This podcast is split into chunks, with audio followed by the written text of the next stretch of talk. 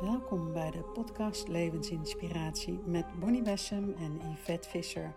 We delen met je onze inzichten uit de wetenschappelijke en ongeziene wereld en laat je inspireren door de magische meditaties. Veel plezier! Vandaag een speciale podcast met Bonnie Bessem en Tijn Tower over intiem met God en hun ervaringen, maar ook om jou te laten ervaren die aanwezigheid van het goddelijke in je leven. Veel plezier. Hoi Tijn. Hey Bonnie, wat leuk je te zien. Ja, en wat leuk iedereen die al binnen is. Welkom allemaal. En een mooi onderwerp met intiem met God. En dat is toch ook wel een onderwerp wat bij ons beiden ook wel heel erg leeft. Ja, inderdaad. Ook best wel een spannend onderwerp. Vind ik ook altijd. En het is, is ook niet- een heel persoonlijk onderwerp. Ja, het is ook niet iets waar ik heel vaak over praat. Ik bedoel, en als ik erover praat, dan raak ik helemaal in vuur en vlam, als het ware. Ik merk ook wel dat het ehm, soms een beetje zo... eh, mensen worden soms een beetje ongemakkelijk als je het over God hebt. Ja, nou, je kan het niet, niet vaak genoeg met mij erover hebben. Oh ja? Ja, en ik vind het wel leuk om, eh, om te starten met een eh, gebed van eh Teresa van Avila. Ik vind ook die, de, de, hè, de mystieke weg van de oude mystica en mysticus vind ik altijd zo mooi. Dus ik vind het leuk om met van een gebed met Teresa van Avila te starten, als je dat oké vindt. Ja, graag. Heerlijk. Oké. Ik ga er even goed voor zitten. Ja. Je bent Gods handen. God heeft geen lichaam op aarde dan het jouwe. Geen handen dan de jouwe, geen voeten dan de jouwe. Van jou zijn de ogen waardoor hij naar buiten kan kijken. Gods compassie voor de wereld. Van jou zijn de voeten waarmee hij kan rondlopen. Terwijl hij goed doet. Van jou zijn de handen waarmee hij nu mensen kan zegenen. Van Teresa van Avila. En eigenlijk is dat al het, het gebed wat voor mij een ruimte schept om, om jezelf af te stemmen of om in verbinding te komen. Ja, En ik vind het wel heel leuk, want ik, ik weet hè, dat, dat, ik weet dat jij daar niet heel veel over praat, maar het wel heel erg in je leeft. Vandaar dat ik juist met jou eh, daar dan over wil praten. Omdat ik, dat, omdat ik weet dat hè, Gods wegen zijn zo verschillend. En, ja, en wij allebei een hele andere weg hebben bewandeld daarin.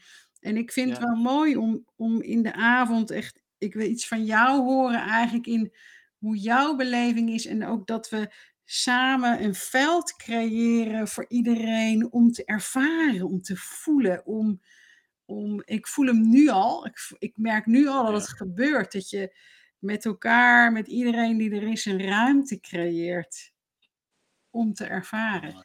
ja, fijn. Fijn inderdaad om, die, eh, om, om de avond ook ehm, als een eh, veilige zone te creëren waarin mensen hopelijk zelf ook die ervaring kunnen hebben van eh, nou ja, wat we dan God noemen.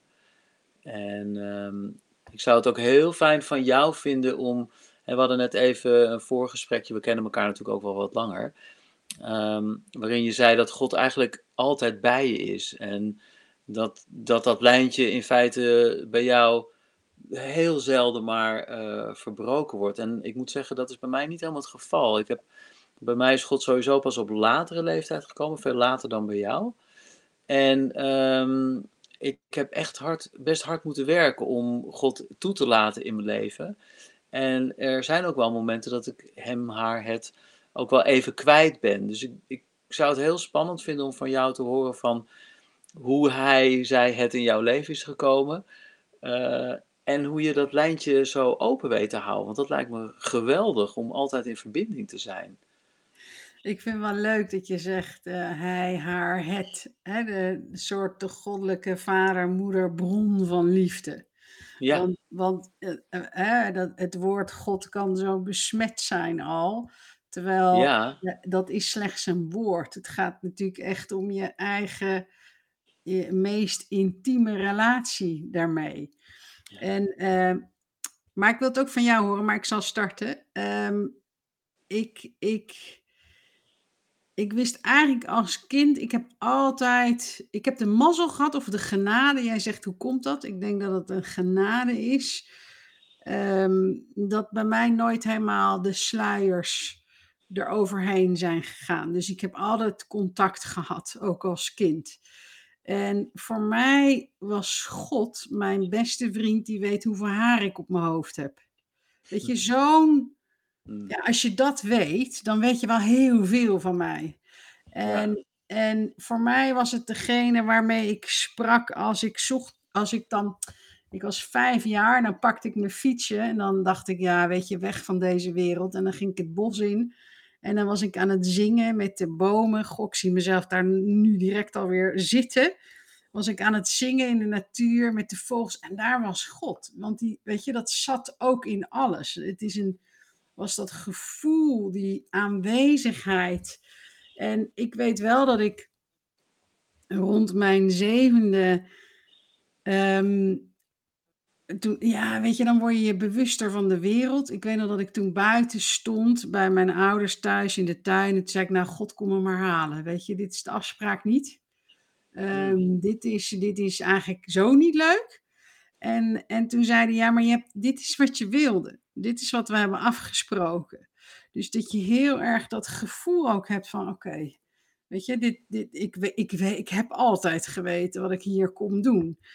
En ik heb wel op een gegeven moment, de periode die voor mij heel moeilijk is geweest, is dus een periode geweest van een aantal jaar waarin de verbinding minder was. Dat was het moment rond mijn achtste, negende. En toen zeiden ze, je moet nu echt met je beide voeten op de aarde gaan staan.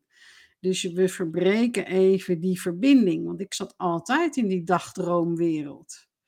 En toen was het een paar jaar, heb ik dat wel heel moeilijk gevonden. En is het rond mijn zeventiende, toen ging ik naar Amsterdam. Toen ging ik opleiding eh, doen voor eh yoga-lerares. Toen kwam het terug. Ah ja. Ja, Hey, je hebt het over hem en je hebt het ook over ze. Kun je dat uitleggen? Eh, Hem is God en ze, wie zijn dat dan? ja voor mij zijn, is dat het team. Hè, net zoals jij ook, hè, jij voelt ook, je, je hebt je team. We hebben ons team wat eigenlijk met ons meegaat als we die trip gaan doen eh, naar de aarde. En, Ja. en eh, dus ik heb ook altijd mijn, mijn gidsen, mijn engelen. En vaak bij kinderen is dat die denkbeeldige speelvriendjes. Oh ja. die, die je Ja. dan hebt. En dan verwarren we dat opeens met fantasie. Ja. En dat is zo zonde. Dus ik heb wel, ik heb vanaf mijn zeventiende is dat weer eh, gebleven en altijd een aanwezigheid geweest in het, het goddelijke, de bron van liefde met zijn haar helpers. Ja. Hè, om zo maar te zeggen, in, in wat komen we hier brengen. En ik vond het wel leuk, want jij, jij vertelde mij net ook, en ik had precies hetzelfde, dat toen de corona begon, dat je zo'n diep gevoel krijgt, maar nou is het moment. Ja. Dit is waarvoor je hier bent. Ja. Dit is waar ik dus nu 51 jaar op heb zitten wachten. Ja, dat klinkt Ja. heel gek, Ja. maar nou moeten we er zijn. Want hoe was dat bij jou? Ja, ik had precies hetzelfde. En ehm, kijk, ik bedoel, ik, ik ben natuurlijk al een jaartje of meer dan 30 jaar ben ik bezig. En hè, laten we zeggen, zo'n zo'n ruim 30 jaar geleden heb ik ook een soort van die roeping heel duidelijk gevoeld. Van, oh ja, ik ben hier niet om eh, met Lois Lane eh, gouden platen te verzamelen of om eh, nog meer succes te krijgen of zo. Er is iets anders wat voor mij. en dat was toen al heel duidelijk. Maar ik heb mezelf ook heel lang een beetje bewust een klein beetje onder het maaienveld gehouden. Hoewel ik wel zichtbaar was en ook wel uitgesproken. Maar ehm, er zijn vele momenten geweest dat ik in de verleiding werd gebracht om, laten we zeggen, een Tijn Tauber Academie op te zetten. Of, eh, weet je, er zijn ook wel eens mensen geweest, dat waren dan bijvoorbeeld eh, mensen die hadden dan Roy Martina groot gemaakt en eh Emiel Ratelband groot gemaakt. En die zouden mij nu groot gaan maken, weet je wel. En ik heb altijd gevoeld van nee, dat moet ik niet doen. Uh, laat mij maar gewoon mijn eigen weg gaan. Um, uh, maar daardoor heb ik me wel klein gehouden. En achteraf gezien, uh, ik heb veel keren momenten gehad, soort flashbacks, ook naar, laten we zeggen, even vorige levens, waarin ik uh, weer eens gekruisigd of gevierendeeld werd of in een kerker werd gegooid, weet je wel. Omdat ik ook te enthousiast uh, van start was gegaan van jongens, we zijn allemaal verlicht en uh, je, hebt, je hebt geen tussenpersonen nodig en die kerk, weet je wel. en ik heb dat, ja, ik bedoel, ik, ik heb, heb dat echt moeten bezuren. En ik denk dat ik dit leven ben binnengekomen met ergens die wetenschap in mijn bagage. Zo van, doe rustig aan, bouw het rustig op. En bij die coronacrisis had ik inderdaad direct van, oké, dit is mijn moment, nu ga ik staan. En ik heb dat ook onmiddellijk gedaan. Ik heb geen, eigenlijk daar geen seconde over getwijfeld. En ik ben toen, eigenlijk het eerste wat ik ben gaan doen is een filmpje posten uh, s s'morgens. En ik noemde dat een hart onder de riem. En ik begon met volgens mij meteen al met die zin die ik daarna de hele tijd maar ben gaan herhalen. Lieve, mooie mensen.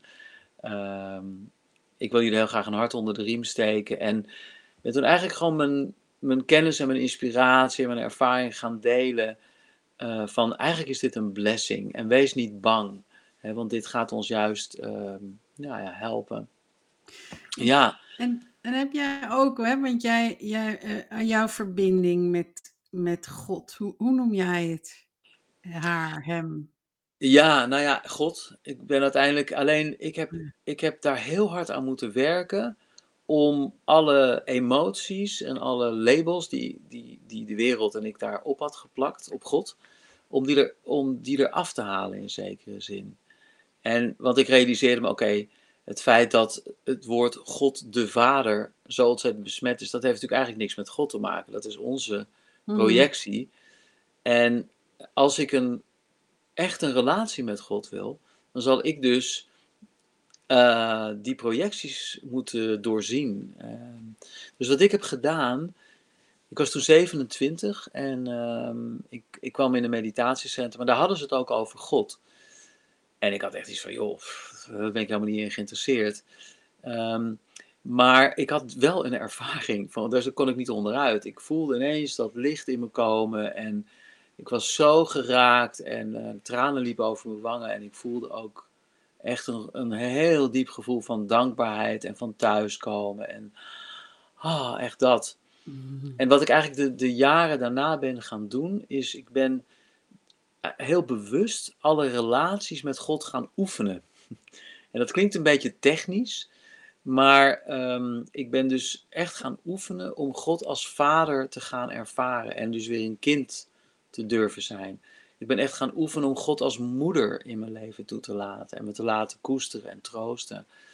Ik ben uh, God als vriend gaan, gaan oefenen om, weet je wel, hij is mijn beste vriend. En in die yogi-jaren uh, moest dat ook wel, omdat ik me ook heel bewust had drooggelegd van al die andere relaties. Dus ik was gestopt met fysieke relaties te hebben met, met, uh, met vrouwen. Ik was gestopt met uh, drugs, met televisie kijken, met uh, uh, hippe kleding kopen. Dus eigenlijk met al die dingen die normaal gesproken je leven maar opvullen en een soort bevrediging geven. Die had ik aan de kant gezet.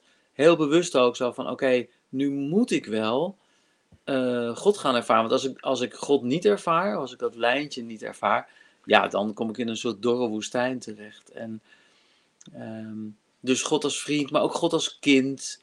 God als geliefde. En, en langzaam maar zeker heb ik dus al die verkeerde concepten eigenlijk uh, eraf kunnen halen, waardoor ik God steeds meer in een, in een ja, pure vorm, denk ik, heb kunnen ervaren. Ik is zo mooi. Het is een heel mooi is een verhaal van een engel die naar je toe komt en die zegt: Ik geef je een keuze in dit leven. En de ene, ehm, je, je kunt kiezen waarbij ik je alle materiële dingen geef en alle faam en alle beroemdheid en alles wat je wil hebben in dit leven, echt alles. Maar dat wil niet zeggen dat je dan helemaal je zielenpotentie hebt geleefd. Of de andere keuze is, is dat je eh, je ontwikkelt waarbij je in die, eh, in die totale potentie van de ziel komt, je het instrument wordt van het goddelijke, maar misschien word je nooit gezien. Hmm. Wat kies je? Ja, ja, dat weet ik wel. Ja, maar die is zo mooi en Ja, je voelt zo, ik ja, voel, je kan zo die twee dingen eh, voelen in jezelf. En ik denk dat ook mooi voor iedereen die nu luistert. Wat zou je kiezen? Als je, ja, als je eerlijk bent, want je voelt heel erg die twee dingen. Ik kan soms heel erg dat voelen van ehm, eh, s- eh, dat, dat stemmetje van gedram. Van nou, kom op, weet je. ehm, dat mag groter, dat mag meer, dat mag. En, dan, en, en die onrust die, die het dan toestaat. Ik vind het zo mooi wat Wayne Dyer altijd zei: hè? ego edging God out. Oh. Die vind ik Ja, zo prachtig. ja, ja, Want dat is ja, wat we doen. Het is net alsof je, wat ik zo mooi vind aan het goddelijke, en dat is eigenlijk ook wat het vraagt. Als, als het dat onze schepper is en wij zijn deel daaruit, dan, dan worden we toch altijd in overvloed eh, eh, gevoed of weet je, beschermd. Of, maar ergens ja, verliezen we dat, dat geloof en zijn we natuurlijk in, in een stuk afgescheidenheid gekomen. Of als deeltjes van het ene. ehm, waarin je in die sluiers van vergetelheid komt en dan het, het, het denkt allemaal, weet je, is allemaal denkt in tekort dan. ja, ja. Ja, het is grappig. Ik had eh, gisteravond eh, gaf ik een, eh, een Zoom-workshop en dat heette Spoedcursus Verlichting. En dat ging ook inderdaad helemaal over ehm, leef je in tekort of leef je in overvloed? En ik moest toen denken aan een mooi interview wat ik ooit heb gedaan met Eric Pearl. En Eric Pearl is, is de- van de Reconnective Healing, hè? een hele bijzondere man, die, een, een enorme, extraordinaire healer. Maar die zei ook van, ehm, als je dus vanuit tekort denkt, want hij, gaf eigenlijk het voorbeeld van heel veel healers die zeiden van ja, maar Eric, ehm, want hij had gewoon dat lijntje, dus het gebeurde, hij, had waanzinnig healings, maar hij dacht er niet over na. Hij was eigenlijk als een kind die het allemaal liet gebeuren. En toen op een gegeven moment zeiden allerlei healers die eh, nou ja, geïnteresseerd in hem waren en eigenlijk ook wilden wat hij wilde. Maar die begonnen hem te waarschuwen van ja, maar je moet jezelf wel goed beschermen. Je moet wel kristallen neerleggen en je moet je handen drie keer wassen en je moet de engelen aanroepen en je moet een piramide in je ruimte zetten en zo. En toen hij dat allemaal ging doen, toen stopten de healings. Ja, En, want hij zei dus ook van eigenlijk als je dus niet gewoon in die overvloed gelooft en het gewoon laat gebeuren, dan zeg je eigenlijk tegen God van ehm, eh, ik vertrouw je eigenlijk niet. Weet je wel? Dus ik, eh, pas als dat, dat kristal daar ligt, dan gaat het gebeuren. Terwijl het is er allemaal al. Weet je, en ik denk dat dat is, is wat, ehm, wat ik heel erg in die yogajaren heb mogen ervaren. Van ehm, als je echt durft te springen, dus bereid bent om eigenlijk alles los te laten, dan merk je pas hoe onvoorstelbaar veel overvloed er is. Mensen geloven soms niet dat ik 14 jaar bijvoorbeeld celibatair heb kunnen leven. En voor mij was het nauwelijks een opgave. Ik, bedoel, ik wil niet zeggen dat ik nooit dat verlangen had, maar de vervulling eh, was zo ontzettend groot dat ik, ja, weet je, het is, het is genoeg. Je hebt echt genoeg aan God in zekere zin. De, e- eigenlijk de enige reden waarom ik daar heel bewust ook weer uit ben gestapt, is omdat ik me realiseerde van ehm, de kunst wordt nu voor mij om God volledig op aarde neer te gaan ja, zetten. Weet je wel, want je kunt wel heel erg gelukkig zijn en op je berg, bij spreken, zitten en, knetter verlicht zijn. Het is heerlijk. Maar er komt ook een moment waarop, nou ja, dat mooie gedicht wat jij net voorlas, je moet ook wel de handen en de voeten en de stem durven zijn. Ja, dus dat is dan de volgende stap. Voor mij dan in ieder geval. Ja, dat is het ook. Want je, je, het, ik vind ook het gebed van eh, Sint Franciscus van Assisi, hè, Make me an instrument of your peace, vind ik een van de mooiste dingen. En ik weet nog, dat het moment dat je ook weer eh, echt ja zegt ertegen, van Ja. ja, dat wil ik, dan moet je ook uitkijken, want dan kan ook weer je hele leven op zijn kop staan. Ehm, Mhm. Eh, maar het is, het is iedere keer, ik vind het zo mooi dat wat je merkt, en ik, ik hoor dat van meer mensen, hoe, hoe meer je op zoek gaat innerlijk eigenlijk naar het goddelijke, hoe minder ehm, vreugde je haalt uit de dingen buiten je, die je vroeger zo leuk vond. Ja, Nou, nou vond ik vroeger ook al een heleboel dingen niet zo leuk.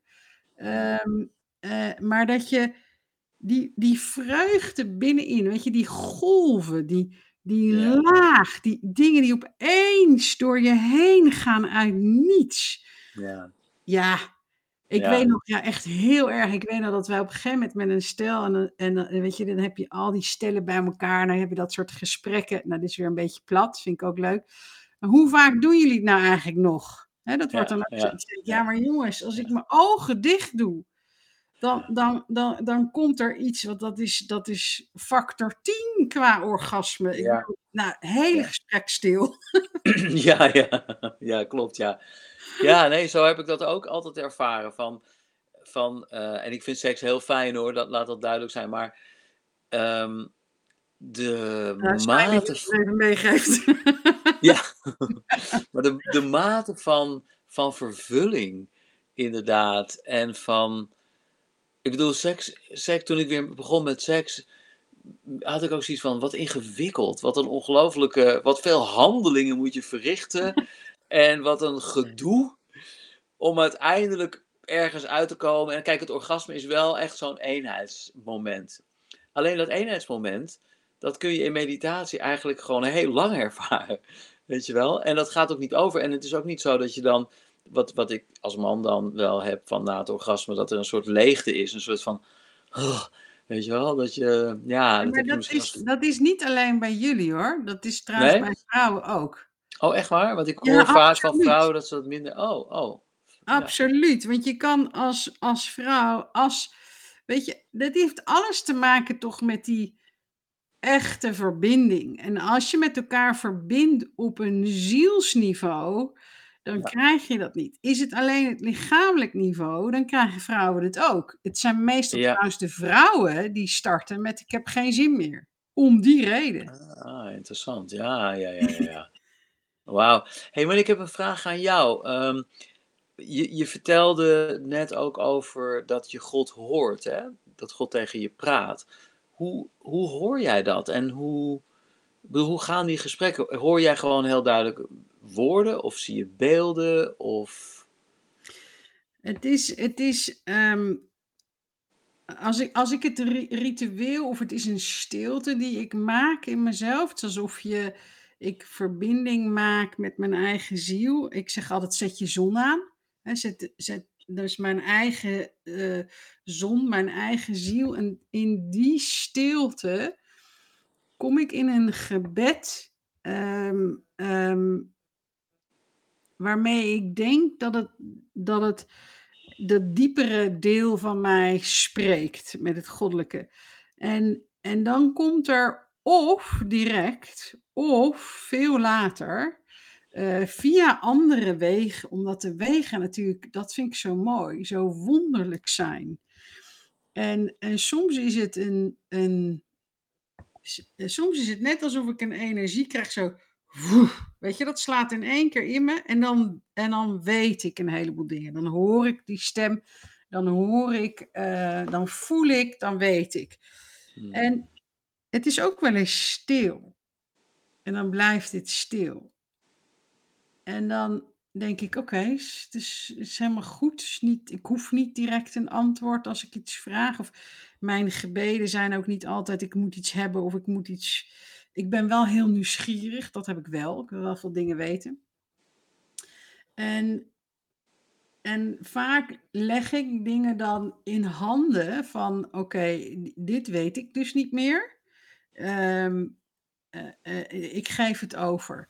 Ja, en dan Ja. vind ik het magisch, wonderlijk en een diep gevoel van dankbaarheid, wat dan komt in de dagen, weken daarna, in hoe het zich, hoe er geluisterd is naar me, weet je, en wat er dan gebeurt. Dat, dat vind ik zo mooi. Dat is zo'n, Ja.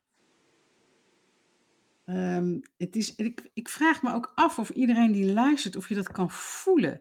Want ik weet, als je, ik weet dat de mensen die nu luisteren, eh, zijn hier ook mee bezig. Anders ga je niet naar ons twee luisteren en zeker niet dit onderwerp.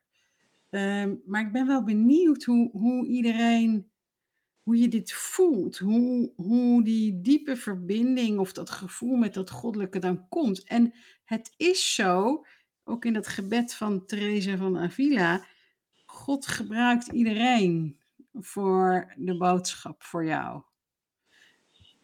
Ja, hey, wat, wat mij heel vaak gevraagd wordt, ehm, is hoe weet je nou dat God tegen je praat of dat het toch jouw ego is? Of hoe, hoe maak jij dat onderscheid? Nou, ik vind een heel groot verschil tussen je ego en je ziel. En voor mij is de ziel al een onderdeel van God. Uh, net zoals, dat vind ik altijd zo leuk als je iedereen vraagt, zet je zon aan en wie ben je dan? Dan zeggen we allemaal hetzelfde. Hè, wat is jouw jouw ziel? Dan willen wij allemaal vreeg, eh, vreugde, vrede, uh, vrijheid. dat is wat we voelen. Ja. We voelen ook allemaal hetzelfde. Maar het ego voor mij, als ik dat stemmetje, ja, dat, dat geeft hier direct beklemming. Direct. Ja, ja, ja. Dus mijn lichaam reageert heel erg daarop. Ja. En je, je kan je niet vergissen, echt niet, nee. als het goddelijke jou ontmoet. Ik heb altijd, hè, ik kan heel erg naar het goddelijke verlangen, maar wacht maar af tot het goddelijke naar jou verlangt dan, dan gebeuren er dingen en, en dat gaat zo intens in je. Daar, daar, daar hoef je die vraag niet meer te stellen. Nee, dat is grappig, want dat is ook wel mijn antwoord meestal van, van hè, als, als God tot je spreekt, dan stel je die vraag niet meer. Nee. Daar is geen enkele twijfel mogelijk en dat herken ik ook. Dat is wel grappig, want de eerste keer dat ik, dat ik die stem hoorde, uh, was denk ik misschien een half jaar of drie kwart jaar nadat ik die eerste meditatieervaring had gehad. Dus ik had wel dat goddelijke gevoeld, maar vervolgens begon bij mij eigenlijk dat, dat puinruimen uh, van al die concepten die in de weg zaten. En dat was vooral heel veel studeren. Ik heb toen heel veel gestudeerd en ook heel veel gemediteerd, maar ik had niet direct dat open kanaal. En toen zat ik op een gegeven moment, was ik in India, in een meditatiekamertje, met alleen maar Indiërs om me heen. En ik zat dus weer zoals altijd tijdens meditatie. Ja, wie is God dan? En welke relaties? En hoe zit dat dan? En, en karma? En um, weet ik veel, reïncarnatie? Hoe werkt dat dan? Ik zat de hele tijd maar daarover over na te denken. Ineens hoorde ik heel hard, laat mij nou eens wat zeggen. Ja. Maar echt heel hard. En dus ik keek om me heen wie dat gezegd had. Maar er zat alleen maar Indiërs en het was in het Nederlands. Dus ik had echt iets van, Hé, maar, huh? En het duurde echt een tijdje voordat ik begreep van, oh, dit was in mij en ik was het niet. Dus, oh, weet je, was dit dan God? En, en toen realiseerde ik me ineens van, oh ja, want als ik die stem wil horen, moet ik natuurlijk stil zijn. Dat is natuurlijk zo logisch ook, maar ik was gewoon niet stil. En vanaf dat moment ben ik dus heel bewust uh, ruimte gaan maken om stil te zijn. En in die stilte kwamen toen steeds meer die antwoorden. Ja, zo mooi hè. In, in de stilte uh, kun je me horen. Ja. En we hebben natuurlijk zo'n zo'n gekwebbel van die kwebbelende aap in ons hoofd, die maar doorgaat. Weet je, het houdt ja. niet op. En, en juist in die stilte ga je, is net die heilige ruimte. Ik vind het wel leuk. Zal ik een meditatie doen? Um, Graag. Ja, gaan we lekker. Ja, dat vind je ook lekker. Gaan we lekker in die heilige ruimte. Oké, nou heerlijk. Gaan we doen. Nou, dan mag iedereen zijn ogen dicht doen. Zijn, haar ogen dicht doen. En adem even diep in en uit. En zet even een glimlach op je gezicht. En stel je eens voor dat je die zon aanzet in jou, jouw licht, jouw ziel, jouw stralende zelf.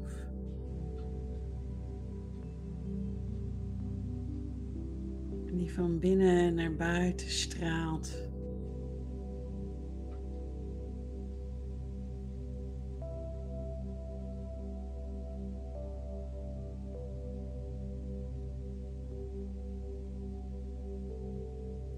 In dat prachtige licht,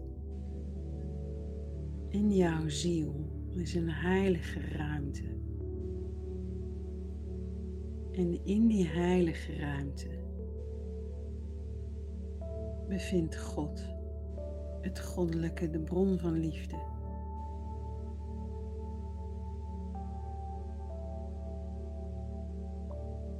En voel eens die verwondering, maar ook de nieuwsgierigheid in je.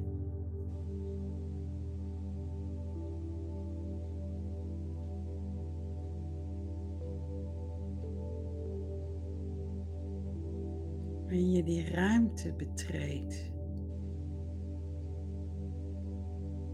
Die heilige ruimte in jouw ziel, waar God woont.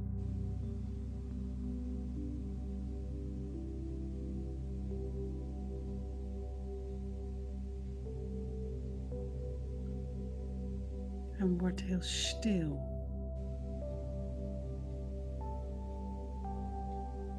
Want in de stilte kun je God horen.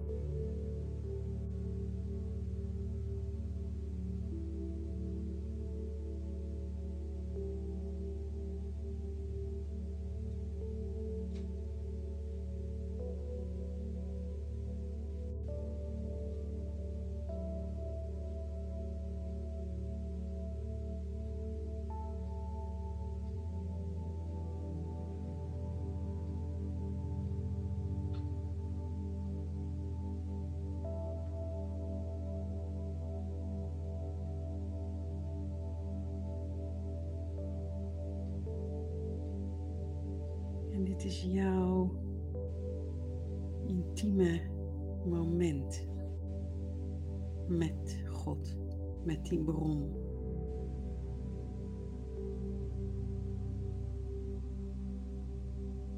En wees open en ontvang via inspiratie, via gevoel je hart. Via weten.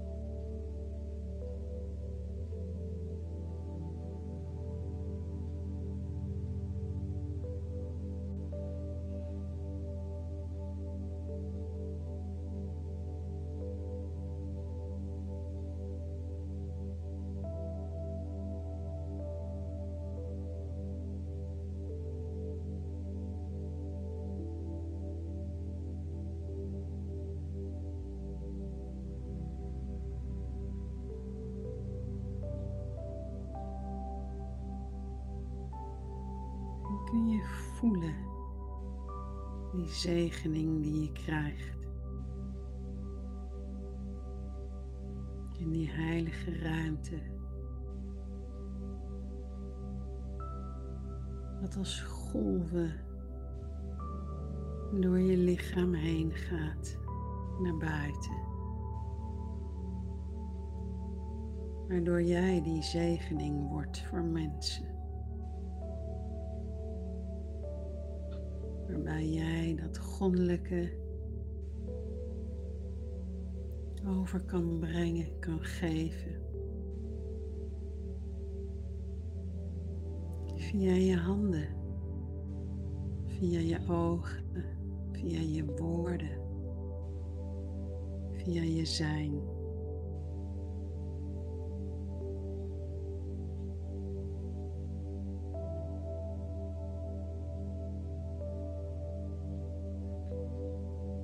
En er wordt aan ons allemaal gevraagd. Misschien wordt eerst of opnieuw. Wil jij dat instrument zijn van het goddelijke?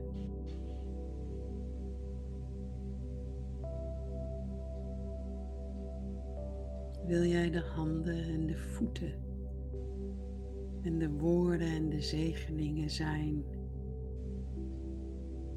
die grote bron van liefde.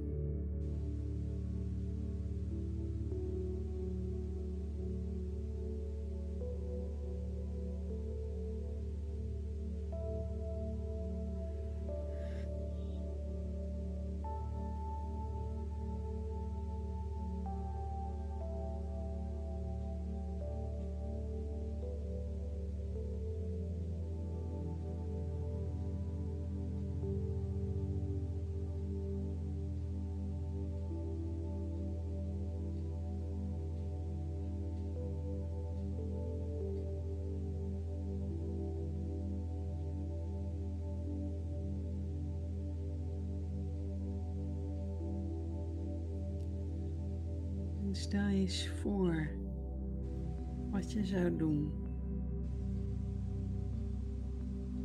Als je dat instrument bent en je voelt dat goddelijke in je en door je heen stromen. En zie jezelf eens in die wereld staan, in jouw omgeving, met de mensen om je heen.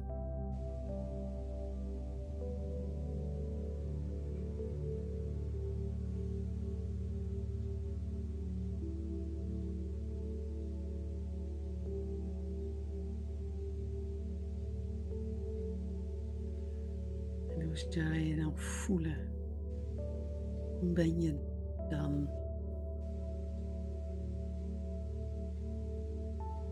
En eigenlijk kom je dan in je meest natuurlijke staat. Jouw eigen essentie. Hoe helend je bent.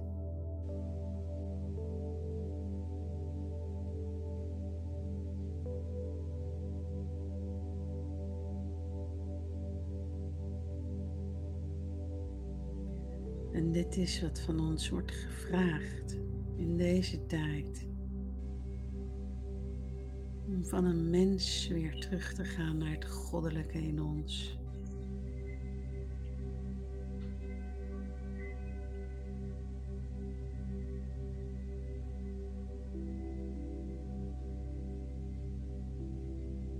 En het is prachtig met zoveel mensen waarmee we samen zijn.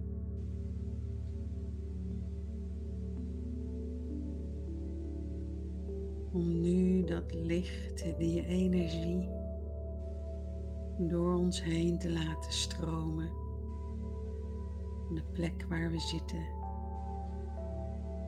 Ver buiten je huis, de straat op, buiten je stad waar je woont.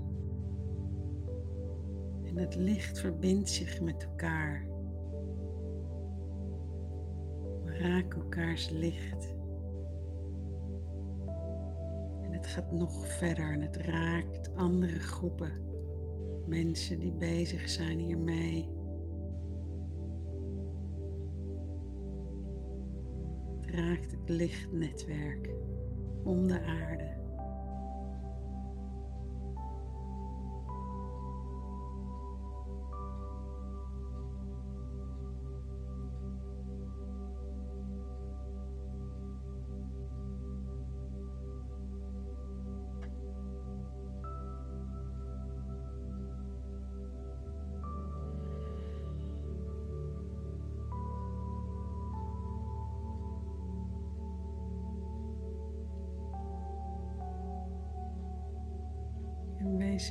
Bewust hoe je je nu voelt.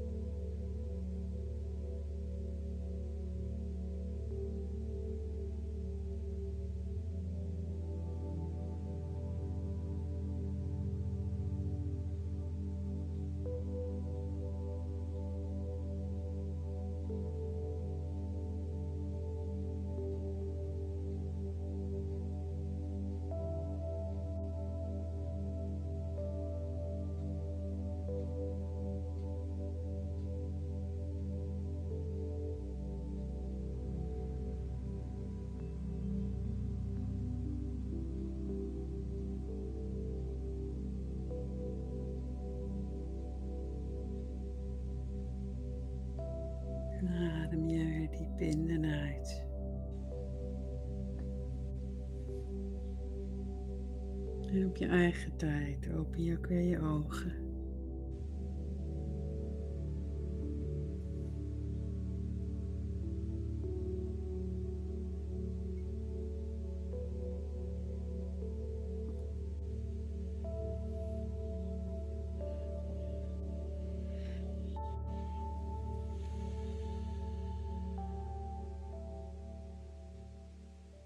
Mag je nog iets vragen?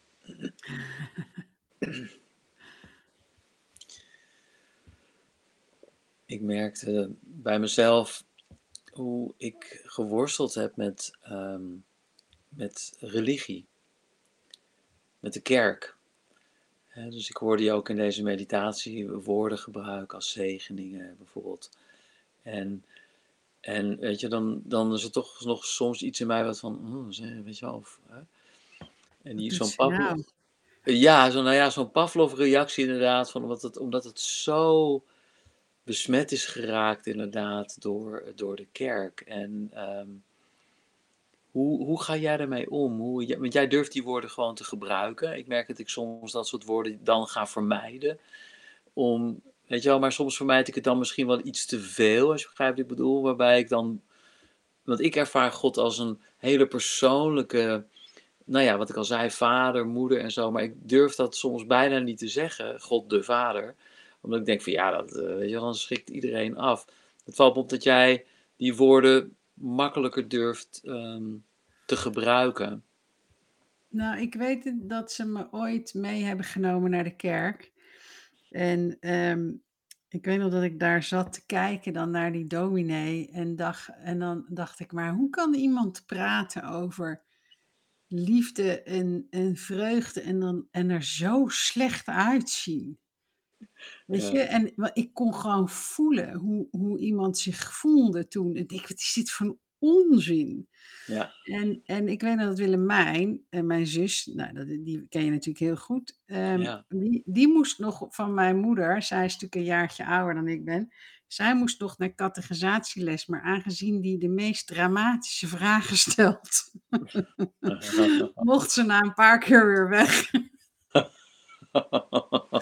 en en uh, voor mij is nooit, weet je, als je het hebt over een zegening zijn, dat, dat, dat een zegening zijn, het, het, het zegenen, de goddelijke genade. Ik denk dat ik ik denk dat ik nooit. Ik heb dat Pavlov-effect niet wat jij hebt. Ik ben niet besmet daarmee. Ik, ik zie de woorden, ik voel de woorden eh, zoals ze zijn. Ehm, om, om, om een zegening te voelen, maar ook te zijn voor mensen, is eigenlijk iets het liefste wat ik wil zijn. Ja. Ik ja, denk ik dat, snap wat je zegt. Ik denk dat dat het is. Maar ik heb ook een vraag aan jou. Uh, ik wil weten hoe jij daarover denkt. voor mij, ik zie een vraag namelijk staan van iemand: hoe weet je dat het God is of je hogere zelf? Voor mij, ik heb heel erg het idee dat toen het ooit allemaal begon en alles was één. Net zoals in, in het donker, alles was één, net zoals in de baarmoeder. Alles was één. En toen vroeg God het bewustzijn: wie ben ik en wat kan ik zijn? En op dat moment, bam, hmm. eh, ontstond die creatie en dat licht. Maar wij zaten in dat ene. Dus, dus voor mij is mijn hogere zelf en het goddelijke, het is één. Ik weet wel, ik weet dat ook de kerk God buiten de mens plaatst. Maar dat heb ik nooit gevoeld, want het is, het is namelijk ook iets in mij. En hmm ik las laatst iets heel moois. Niet ik ben God, want dan zou dat wel eens je ego kunnen instappen. Maar God is ik. Oh ja. Ja. Ja, ik heb dat in mezelf opgelost door um, goddelijk te zijn. Dus ik ben niet God, maar ik ben goddelijk. Dat helpt mij om inderdaad een soort ehm, want weet je, het punt is, eh, kijk, wat voor mij de moeilijkste uh, transitie is geweest, waar ik eigenlijk nog steeds wel in zit, is ik ben dus op een gegeven moment God heel sterk buiten mijzelf gaan ervaren. Dat was voor mij al een enorme stap, omdat ik überhaupt niet met God bezig was. Maar ik kon er niet meer onderuit. Het was zo'n duidelijke aanwezigheid. En wat ik toen ben gaan doen, is die, nou ja, die relatie ehm, dagelijks voeden en intiemer maken. Net zolang tot ik echt God heel duidelijk kon ervaren in alles wat ik deed. Alleen, een gegeven moment werd ik me er heel erg van bewust, maar God is nog steeds buiten mij. Ik is nog steeds een entiteit buiten mij waar ik ehm, advies aan vraag, waar ik ehm, misschien vragen aan stel, die bij me is enzovoort. En op een gegeven moment dacht ik, maar eigenlijk zit God natuurlijk in mij ook. En dat eh, was voor mij heel erg moeilijk om die transitie te maken, omdat ik dat iets in mij zei, ja, dat is hoogmoedig. Dat kun je, je kunt niet zeggen, je bent God. Dat is gewoon blasfemisch. Dat, uh, dus, dus, het punt is een beetje, ik ben heel erg behept, al heb ik in dit leven dan uh, heel weinig met de kerk. Ik merk dat in mijn, in mijn rammelbak, zeg maar, er onvoorstelbaar veel concepten zitten die het, waar ik doorheen moet werken om God weer in mijzelf te gaan ervaren.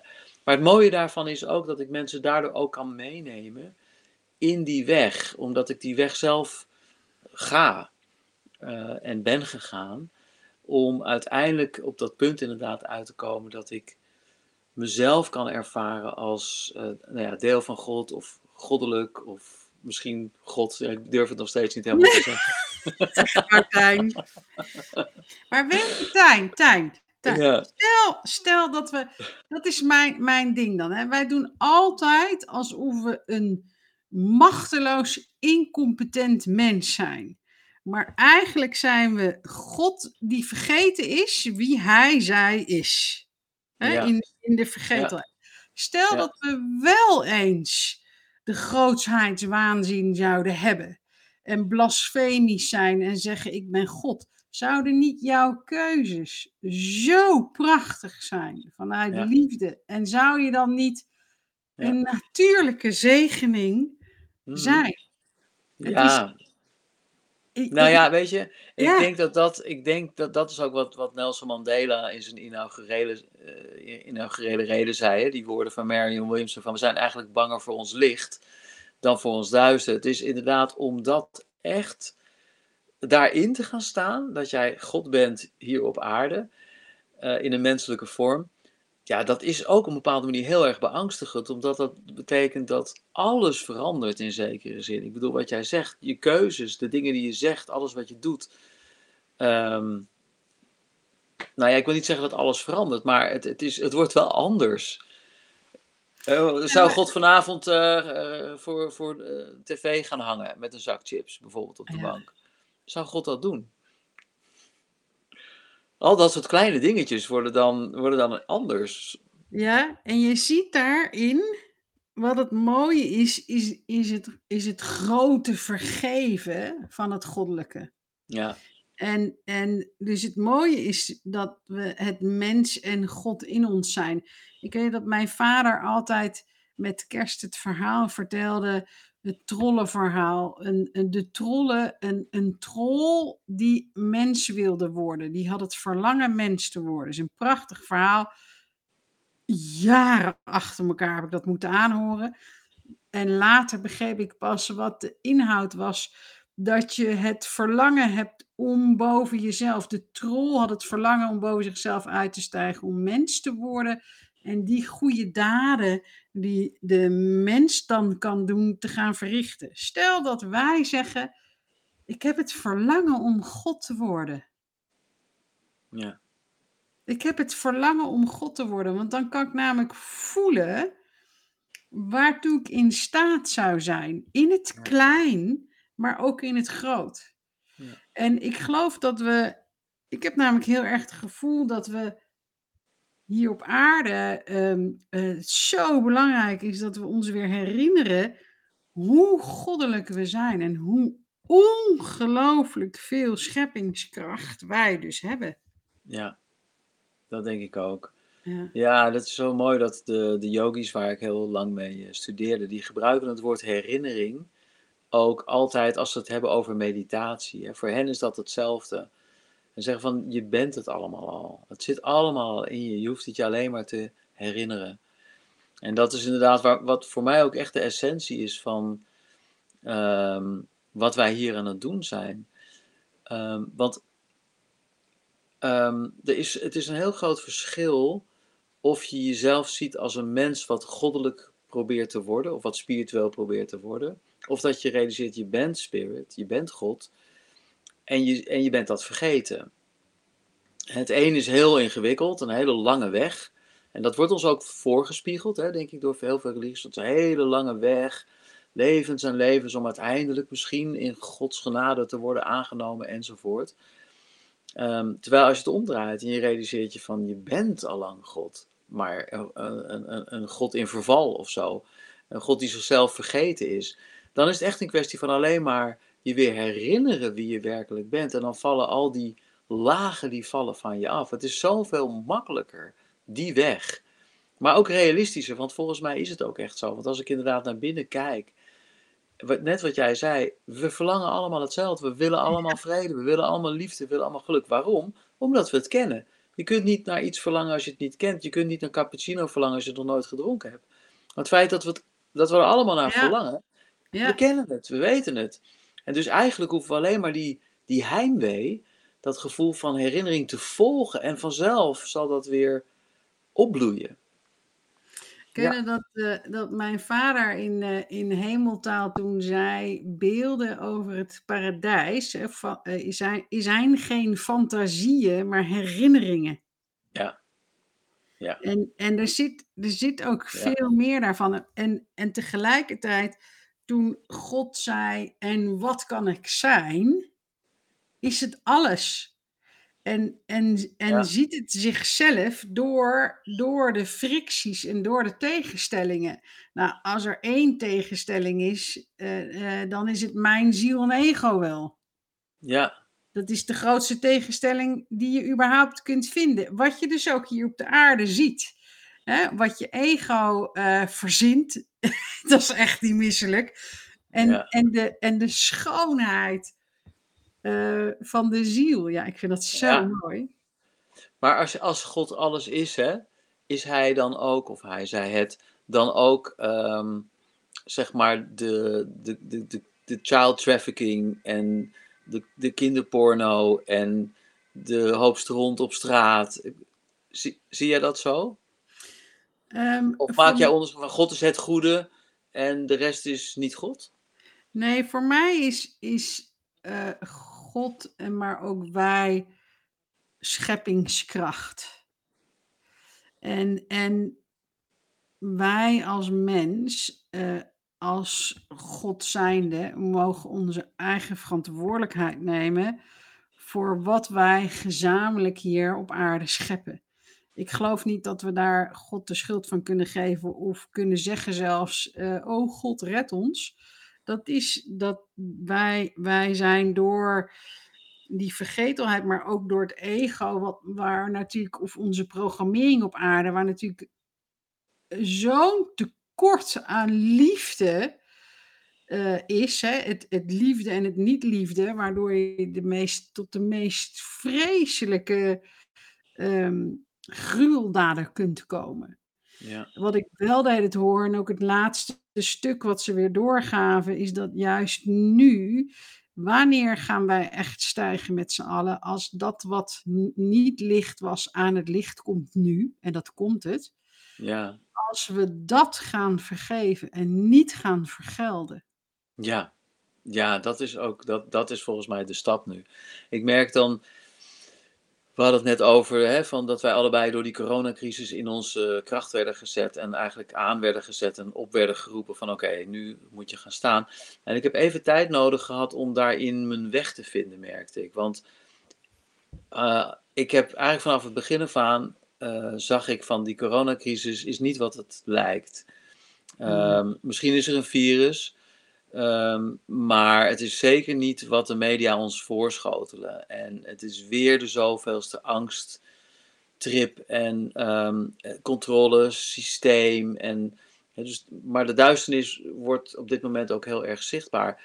En iets in mij wilde dat ook duidelijk maken aan mensen. Van mensen, trap er niet in.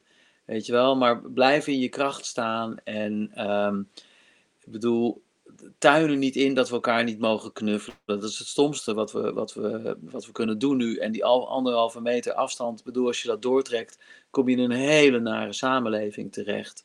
En als we nu gaan hopen dat dat vaccin alsjeblieft komt, alsjeblieft meneer, meneer Gates, stop dat vaccin en dan komt alles weer goed. Ik bedoel, mensen tuinen niet in. Dat was eigenlijk een beetje wat ik eigenlijk wilde zeggen. En, maar tegelijkertijd besefte ik me van, daarmee ben ik ook weer de polariteit aan het voeden. Weet je, en, en nu realiseer ik me steeds meer, en dat is eigenlijk mijn, mijn toon geworden de, laatste maanden al, van het spel heel zichtbaar maken, maar met een glimlach en met humor. Van jongens, dit is gewoon wat, wat wij gecreëerd hebben met elkaar. En als we naar dat hogere niveau van bewustzijn willen, als we echt nu een keer door willen evolueren naar een werkelijk goddelijke, harmonischere samenleving, dan zullen we inderdaad in het midden moeten leren staan. Hè, dus, en vergeven. Hè, dus, want alleen dan zullen we de polariteit overstijgen. Alleen dan uh, um, stappen we uit het spel wat we al zo lang met elkaar spelen. Waarin we elke keer toch weer of een slachtoffer worden of een agressor worden. En toch weer de schuld buiten onszelf zoeken. En ons niet realiseren dat wij dit spel creëren. Dat wij de scheppers zijn van dit hele spel. En dat alleen wij deze situatie kunnen oplossen door het te doorzien.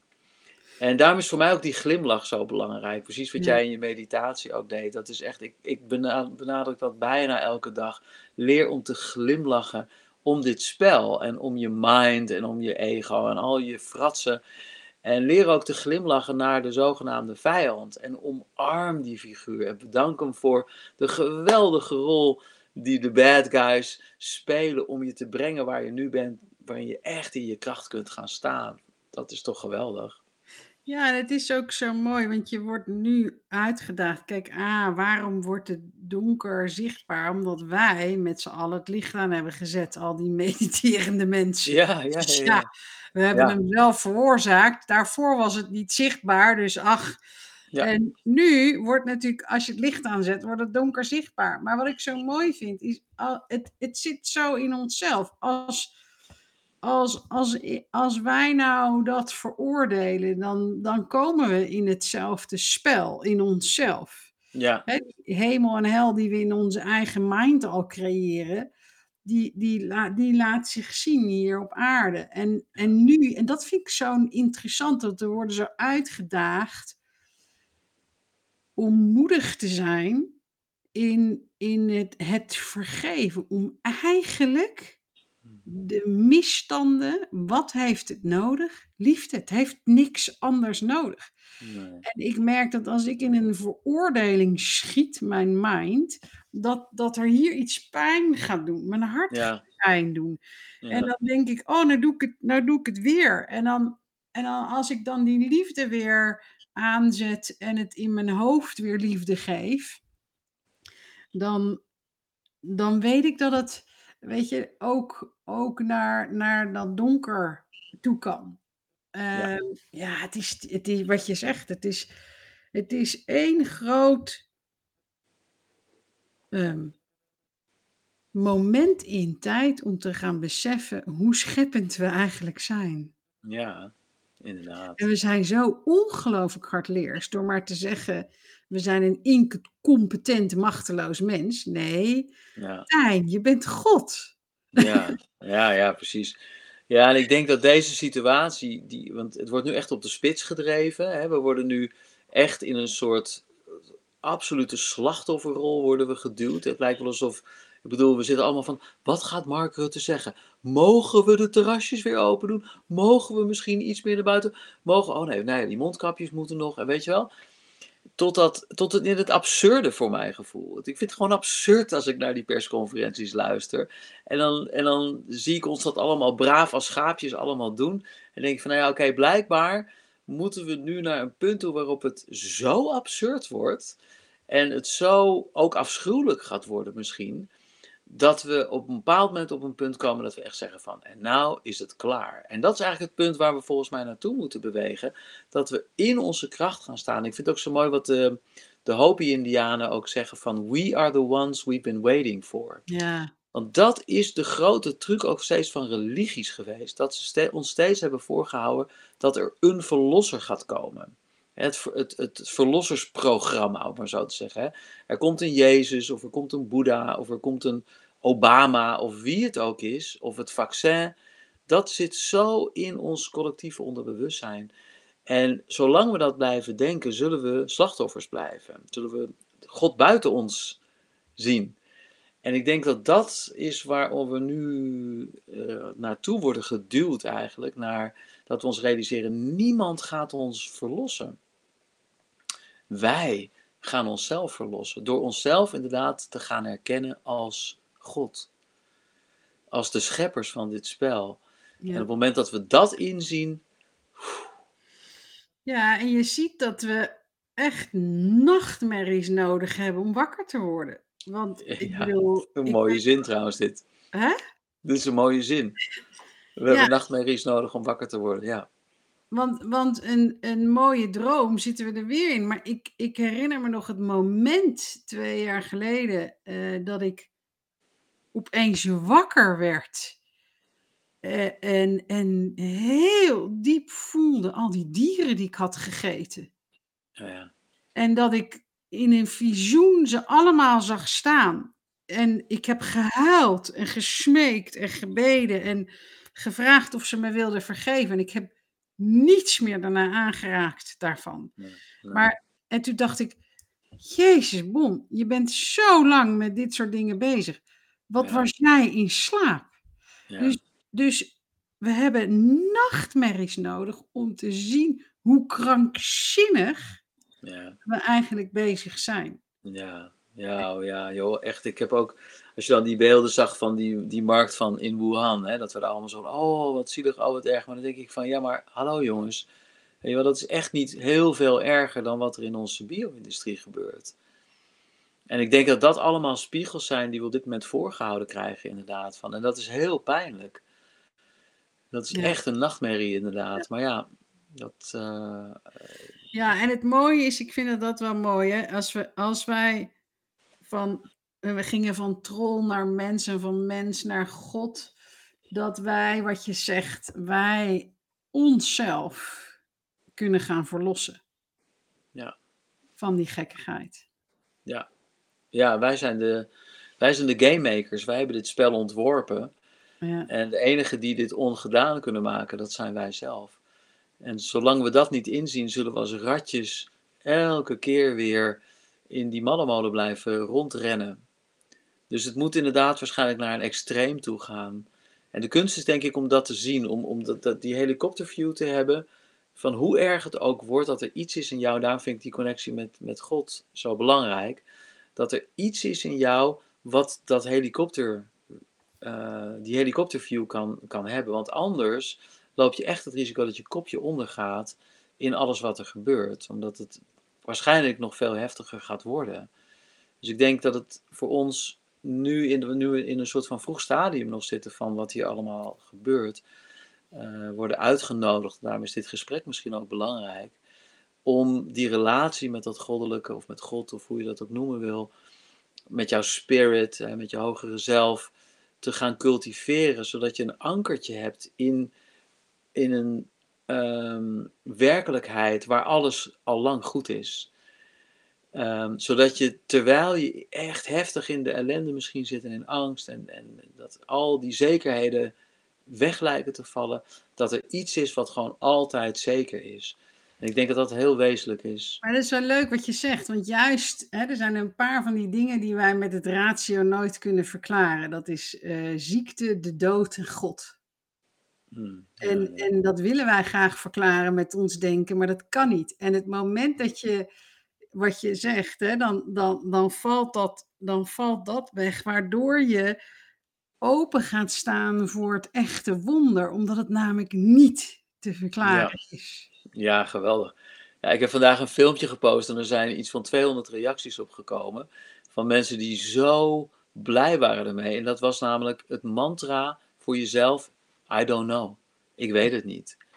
Dat is zo verlossend inderdaad, want het, eh, je weet het ook inderdaad. Nee, maar dat opent je ook Dat weer opent je. om te ontvangen echt. Exact. Ja. Dan stap je uit van die mind die wil snappen, die wil begrijpen allemaal. Maar je- wat snap je nou? Wat kun je nou eigenlijk begrijpen, werkelijk begrijpen van het leven? Niks. Ja. En dat is zo bevrijdend als je gewoon zegt, I don't know, geen idee, ik snap er echt helemaal geen fuck van. En, maar dan juist, is mijn ervaring, als je in dat niet begrijpen kunt gaan staan, dan ineens snap je het. Maar niet op dit niveau, maar ben je weer verbonden met dat grote plaatje. Voel je de samenhang der dingen. Zie je het spel enzovoort. Ja. Mooi, ik zie dat het eh, over negen is. Ehm, sluit jij af met een gebed of sluit ik af met een gebed? Zal ik een kleine soort van geleide meditatietje doen, maar gewoon echt even heel eh, een, essentieel? eh, ja, Nou, ga lekker ontspannen zitten op een manier die voor jou fijn is. En adem dan lekker diep vanuit je buik.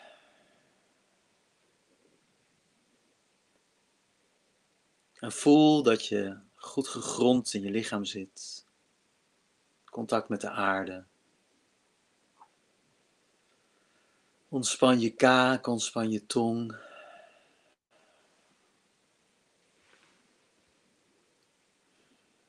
Word je dan ook bewust van alles wat er van binnen ge- gebeurt in de vorm van gedachten?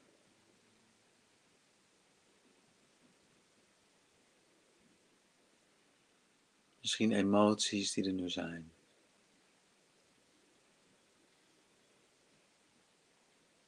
En kijk eens wat er gebeurt als je kunt glimlachen. Naar je mind. Maar al die gedachten.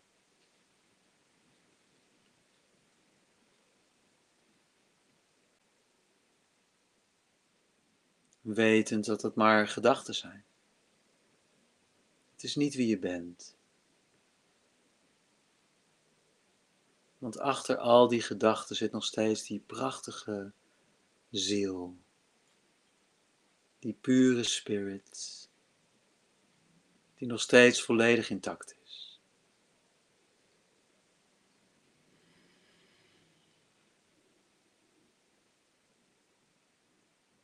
Kijk eens of je dat weer kunt voelen in jezelf. Dat er een licht is dat nooit is uitgegaan. Als een zon van binnen. Als een vuur dat altijd is blijven branden.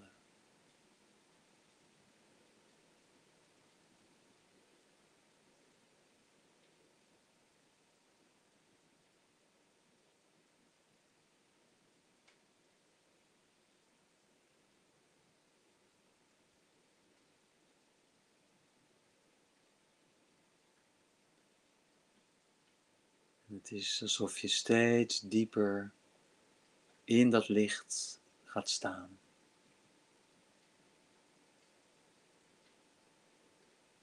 Alsof je in de zon gaat staan.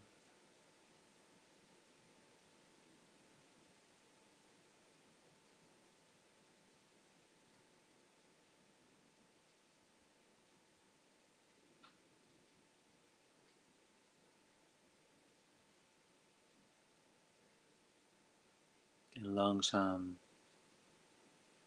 word je die zon, word je dat licht.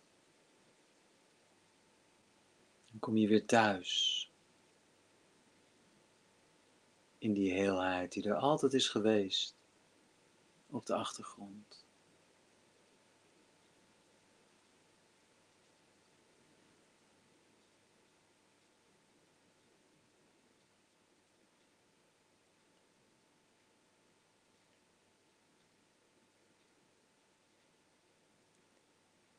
En als dat prachtige licht een stem zou hebben, wat zou het dan op dit moment tegen jou willen zeggen?